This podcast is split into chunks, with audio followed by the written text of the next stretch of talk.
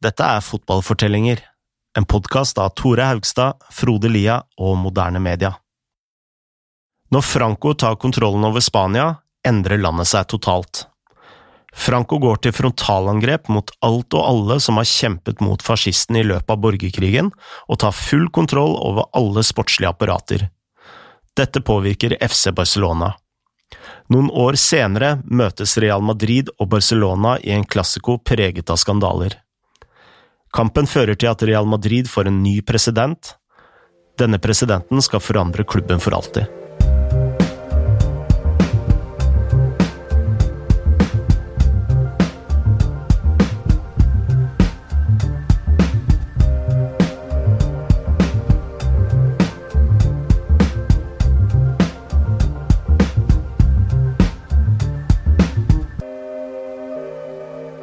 Tore, jeg tror vi skal begynne denne episoden med å sjekke hvor vi er i historien sånn rent tidsmessig. Det høres lurt ut. I for forrige episode så vi at eh, Franco vant uh, borgerkrigen. Nå er vi i 1939, og Francos diktatur er oppe og går. Hva var det første Franco gjorde når han hadde kommet til makten? Han gikk ut etter hevn. Altså Francos diktatur skulle straffe alle som hadde gjort motstand, som gjorde motstand, og som kunne gjøre motstand i fremtida. Dette gjaldt spesielt de som ønska regional selvstendighet, som f.eks. mange katalanere. Um, Franco ønska et samla Spania og en stat som kontrollerte absolutt alt. Dette er vel eh, ganske dårlige nyheter for eh, Barcelona, som var et uh, symbol på katalansk selvstendighet? Ja, Absolutt. Um, og vi har snakka med Jimmy Burns om hva Franco gjorde med Barcelona. That is when we get into a sort of, you know, a, a, a, the kind of the next chapter of, of the narrative, really. And, and it's an interesting one because um, you can imagine at the end of a civil war where uh, a lot of people have been killed, there's been a lot of butcheries, a lot of executions.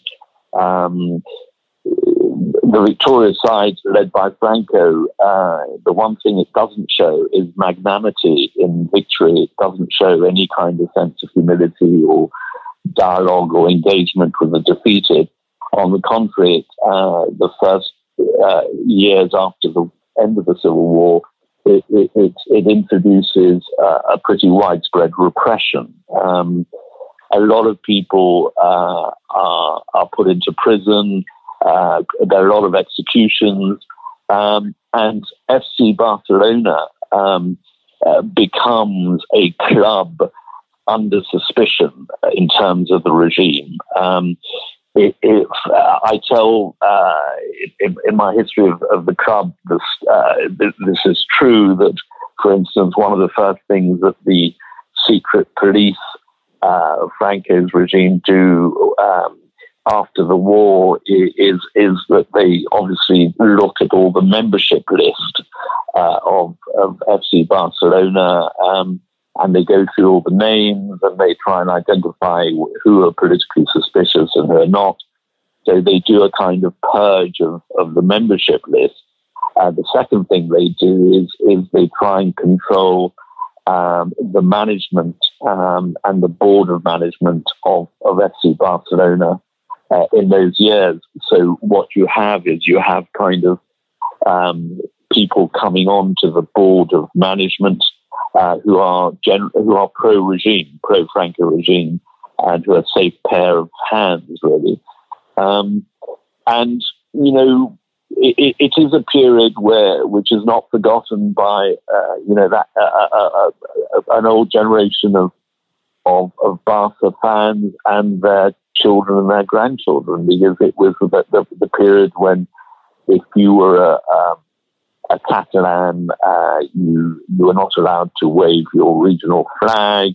Uh, the use of your own language was was restricted, and um, you felt very repressed. You know, um, and um, of course that is also a period when when the football club itself becomes begins almost organically uh, within itself to develop its own identity as a, as a kind of club representing um, the Catalan people. Tenk deg, du heier på Barcelona, du hater Franco og den spanske staten, så tar Franco i praksis over klubben din. Ja, altså Hvis jeg hadde heia på Barcelona og vært en liksom lidenskapelig, patriotisk katalaner, så hadde jeg vært rimelig sint. Men betød det på mange måter at Franco eh, ødela Barcelona med vilje? Nei, altså Den greia med at Franco liksom støtta Real Madrid og hjalp de til å vinne, er jo en veldig omdiskutert greie og sannsynligvis veldig overdreven. Uh, vi skal se litt mer på det seinere i sesongen, men altså, Real Madrid ble støtta av mange figurer i regjeringa. Men det betydde ikke nødvendigvis at Franco liksom skulle fikse kampene og få Real Madrid til å vinne til og med pris. Um, Franco sin fremste hensikt med å kontrollere Barcelona var for, først og fremst å forhindre opprør mot den spanske staten. Så hvis uh, si f.eks. Barcelona slo Real Madrid, så var, var, var, ikke det noe diktaturet liksom på en måte bekymra seg over? Nei, altså det var iallfall ikke sånn at Franco liksom tar over Barcelona og prøver å kjøre klubben helt til grøfta. Sånn var det jo på ingen måte. Hva med Real Madrid, da? Nei, altså Madrid hadde jo vært sentrum for uh, borgerkrigen, så hele klubben var jo så godt som ødelagt. De hadde knapt spilt kamper. Stadion lå i ruiner. Treplankene som hadde blitt brukt til tribunen, hadde blitt revet opp og brukt som ved. Og ifølge boka til Sid Lowe hadde en fyr flytta inn i garderoben og begynt å gro grønnsaker i et av hjørnene på banen.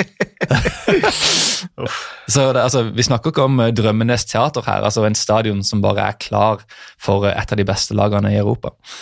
Så det er vel eh, da trygt å anta at eh, Real Madrid eh, ikke var spesielt gode når La Liga begynte igjen? Det stemmer. La Liga starta opp i 1940. Og de to første titlene gikk til Atletico Madrid. På denne tida hadde Atletico slått seg sammen med flyvåpenet og blitt Atletico Aviación. Oi. Men i 1943, da skjedde det noe spesielt? Ja, da fikk vi en av tidenes mest dramatiske klassikokamper. Kan ikke du fortelle litt om det? Altså, Lagene møttes i semifinale i den spanske cupen, som nå hadde blitt omdøpt til Copa del Generalissimo, som da er til ære for general Franco. Uh, Barcelona vant den første kampen 3-0 hjemme, og selvfølgelig var Real Madrid rasende fordi dommeren hadde gjort masse feil. Dette høres ut som en uh, typisk eh, klassiko. Ja, ikke sant. Uh, akkurat som nå. Uh, og så til returoppgjøret da, så skulle jo selvfølgelig Real Madrid ha hevn. Før kampen fyrte Madrid-pressen opp stemninga noe vanvittig. Fansen ble gitt noen sånne små fløyter som de skulle ta med inn på stadion, og som lagde en helt sinnssyk lyd. Og Da lagene da gikk ut på banen, så var det ei vanvittig heksegryte. Hva skjedde i løpet av selve kampen, da? Nei, så Real Madrid skulle bare stoppe Barcelona til enhver pris. Fansen kasta mynter og steiner på Barcelona sine spillere. og De bombarderte banen så kraftig at keeperen til Barcelona, Luis Miró, ikke engang turte å stå inne på linja. Som eh, tidligere keeper for eh, Enebakk eh, idrettsforening, så kan jeg bekrefte at det kan være et problem. ikke sant. Men, men, det var ikke det verste engang. Eh, altså, det høres helt utrolig ut, men før kampen skal en figur fra Francos regime også ha besøkt Barcelonas garderobe og trua spillerne med hva som ville skje om de vant kampen. Seriøst? Ja, visstnok. Og da Barcelona ikke ønska å spille andre omgang fordi stemninga var så aggressiv, skal spillerne blitt beordra om å fortsette. Og hvis ikke, ble de fortalt at de kunne havne i fengsel. Men dette høres jo nesten ut som en situasjon hvor eh, regimet skremmer vettet av spillerne? Absolutt.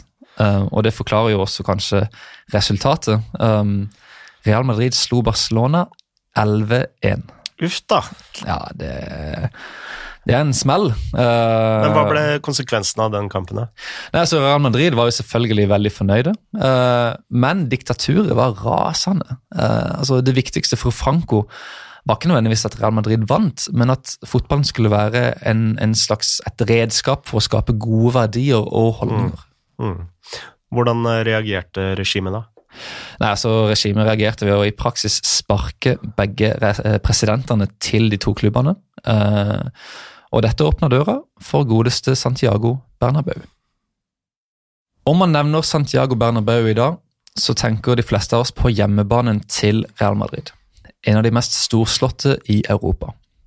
Så det sier jo litt om hvor viktig fyren var for klubben at han fikk selve stadion oppkalt etter seg. Ja, og allerede før den skandaløse klassikokampen så var Bernabeu mister Real Madrid. Hadde solgt billetter, vært materialforvalter, assistenttrener, trener og ikke minst sekretær. Jeez. Og han hadde vel også uh, spilt for klubben? Jo, egentlig? Det stemmer. Han var en, uh, det de kalte en aggressiv tank, uh, tankspiss med et veldig tungt skudd.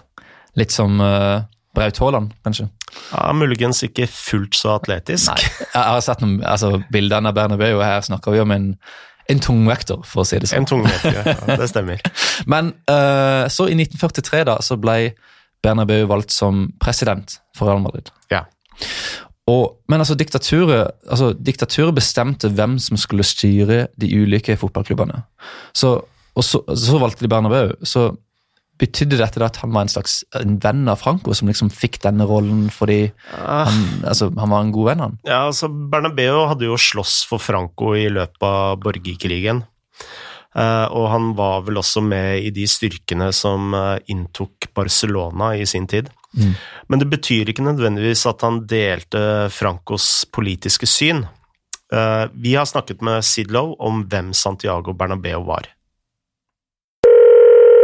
I think a, a guy who can largely be seen as a uh, an authoritarian conservative right winger rather than necessarily a fascist. Of course, what happens in through the through the war and, and through the foundation of a, of a, regime is that those things come together, and it becomes, in a way, you know, Franco's regime is a is a coalition of right wing forces of, of, of slightly different right wing forces, but all of them forged through war, which is one of the reasons why you get this particular type of regime. It's a, a quite a complex regime in many ways, but obviously on other levels, an, an extremely simplistic regime as well, the, the, the Franco dictatorship. And so the, the, one of the reasons why the chronology is different, of course, is that, that Sunyol gets killed at the start of August 1936.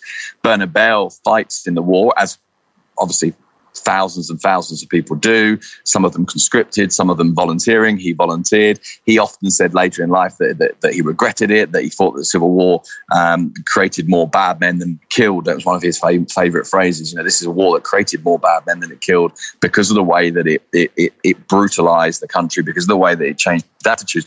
But of course, this is a guy who fought in the war. And what happens in the case of Bernabeu is that in 1943, he's effectively put in charge of, of Real Madrid as someone who's trustworthy, not necessarily as a regime figure, but as someone who's trustworthy, as someone who's seen as, as, as being of the right character, the right personality, the right ideals. Um, and so he goes into the club, obviously, in a very different context to the context in which Sunyol goes in as, as president of Barcelona. And then he becomes symbolic of Real Madrid not so much because of that political background, but because of his ambition for Real Madrid and the manner in which he, he runs the club, and of course, the longevity. Det ble med en gang klart at Santiago Bernabeu var en fyr som tenkte stort. Real Madrid hadde nesten ikke penger, og likevel drømte Bernabeu om en ny stadion med plass til 100 000 tilskuere. Dette var altså i 1943, da Real Madrid ikke var spesielt gode. Nei, og jeg har tabellen fra den sesongen foran meg her. Eh, Real Madrid kom på tiendeplass i en liga med 14 lag. De har kommet ett poeng over plassen som fører til playoff om nedrykk. Uff da. Ja, altså, altså, dette var ikke noe storhetstid på noen måte. Men likevel så fikk Bernabeu stadion på plass. Han brukte kontaktnettverket sitt til å skaffe en rekke lån, og klarte også å låne penger fra klubbens medlemmer. Stadion ble ferdig i 1947, og det er, det, det er i praksis den stadion Real Madrid bruker i dag. Ok, men la oss eh, stoppe litt her. Real Madrid har en ny stadion, Spansk fotball er i full sving igjen, mm. men klarer de å vinne noe? Nei, de gjør ikke det. I de åtte sesongene etter borgerkrigen så vant ikke Real Madrid en eneste ligatittel. Uh, og ting ble enda verre de neste seks årene. Barcelona vant tittelen fire ganger på, på seks år. Men uh, hvorfor ble Barcelona så gode? Ble ikke de styrt av uh, regimet? Jo, de gjorde det, men uh, det betydde jo ikke at Barcelona ikke ønska å vinne, og at de liksom ikke hadde figurer som tok stolthet i det sportslige. Um, og dessuten hadde Barcelona slått kloa i en av 50-tallets aller største stjerner. Og det var? Nei, det var en eh, flyktning fra Ungarn som egentlig skulle vært død. Oi. Men han skal vi snakke mer om i neste episode.